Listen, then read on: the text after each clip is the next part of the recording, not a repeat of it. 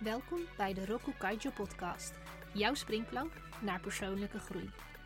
Mijn naam is Marianne Reinen. Ik ben jouw host tijdens deze reis. Als ik dan toch acht uur in de trein moet zitten naar onze vakantiebestemming, dan neem ik mijn laptop mee. En dan ga ik ondertussen content schrijven. Lekker vooruit werken, mijn posts klaarzetten, materiaal voor de podcast verzamelen. Dan zit ik eenmaal in de trein en kan ik me nergens toezetten. Ik krijg niks op papier. De irritatie groeit, totdat ik mezelf een halt toeroep. Joehoe, waar ben je mee bezig? Het is vakantie. In de vorige aflevering bespraken we enkele misvattingen over veerkracht. Deze keer gaan we dieper in op een belangrijke kerngedachte, namelijk veerkracht gaat over hoe je jezelf weer oplaadt na een energievretende situatie, niet over hoe je het volhoudt. Even terug naar die treinreis. Voor mij betekende veerkracht in één woord doorbikkelen.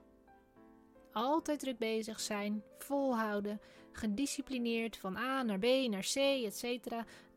Dat is sterk, toch? En hoe langer ik dat volhoud, hoe sterker en veerkrachtiger ik ben, toch? Nou, ik zat er goed naast. Wetenschappelijk onderzoek toont namelijk aan dat dit hele idee van lang volhouden totaal onjuist is.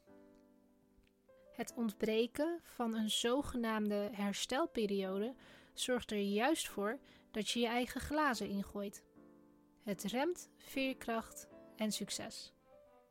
Onderzoek van Judith Sluiter laat zien dat er een direct verband is met de aanwezigheid van gezondheids- en veiligheidsproblemen.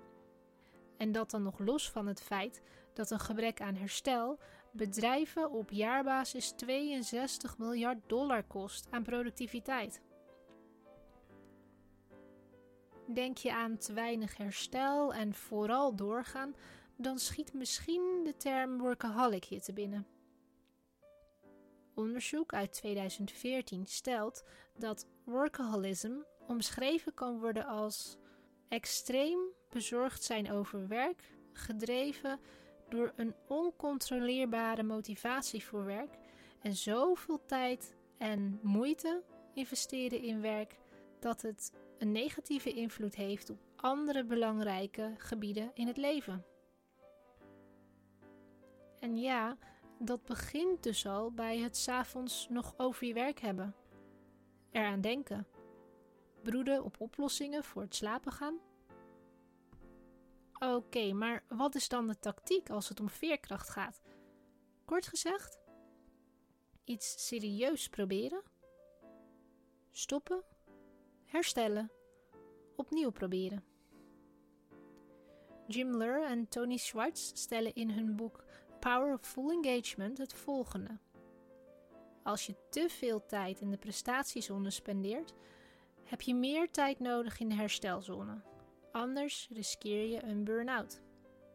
Duidelijke taal, maar hoe kunnen we hier een praktische invulling aan geven? Het begint bij het besef dat stoppen niet hetzelfde is als herstellen. Hier zijn twee varianten in aan te wijzen: intern en extern. Intern, neem een extra pauze, ga tussendoor iets anders doen, loop even weg van je bureau met je aandacht op iets totaal anders. Extern, als je om 5 uur s middags je laptop dicht doet, maar vervolgens je hersenactiviteit blijft prikkelen, door bijvoorbeeld door je Twitterfeed te scrollen, commentaren te geven op LinkedIn en nieuwsberichten te lezen, dan rust je alsnog niet. Hoe graag we onszelf er ook van overtuigen dat op onze telefoon zitten rust geeft. Hetzelfde geldt voor eindeloos nadenken over de renovatie van je keuken. De hersenen gaan niet uit. Een paar praktische voorbeelden van herstelactiviteiten. Gebruik als je dat fijn vindt apps die je ondersteunen om in bepaalde tijdblokken geen telefoon te gebruiken door de automatische vliegtuigmodus. Neem na elke 90 minuten schermtijd Een schermpauze. Loop even naar buiten, strek de benen, knoop een gesprekje met iemand aan. Eet je lunch niet achter je bureau, maar ga in de kantine of buiten zitten en neem geen telefoon mee. Je zult merken dat naarmate je herstelt, je veerkracht groter wordt en daarmee ook jouw succes. Roku Kaijo's weektip. Test één van de praktische voorbeelden uit. De automatische vliegtuigmodus. Na elke 90 minuten een schermpauze. Of lunch buiten of in de kantine zonder telefoon. Ik ben erg benieuwd hoe jou dat bevalt. Laat het me vooral weten. Bedankt voor het luisteren naar de Roku Kaijo podcast. Schakel elke donderdag in voor een nieuwe aflevering. Meer informatie en het laatste nieuws vind je op de website roku-kaijo.com.